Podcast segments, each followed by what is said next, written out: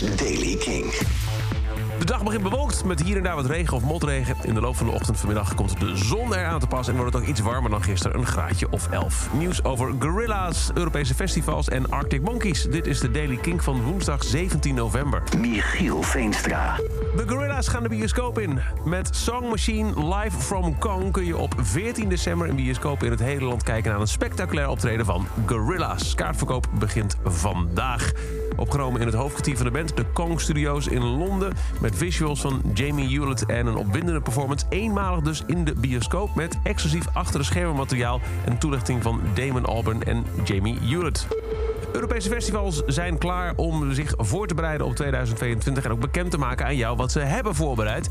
Reading and Leeds, het grote Britse festival met toch een behoorlijke Lowlands overlap over het algemeen, laat weten dat ze begin december hun aankondigingen doen voor 2022. En Seagate doet het iets eerder, namelijk al op dinsdag 23 november. En daarvoor moeten we zeker de volgende band in de gaten houden. Arctic Monkeys. Gisteren hoorde je al dat er waarschijnlijk een tour en een album aankomen deze zomer. De eerste data zijn bekend. Oost-Europese data. Om precies te zijn, staan zij uh, onder meer in Turkije, Bulgarije, Kroatië en Tsjechië. Data in augustus, 9 tot 18 augustus.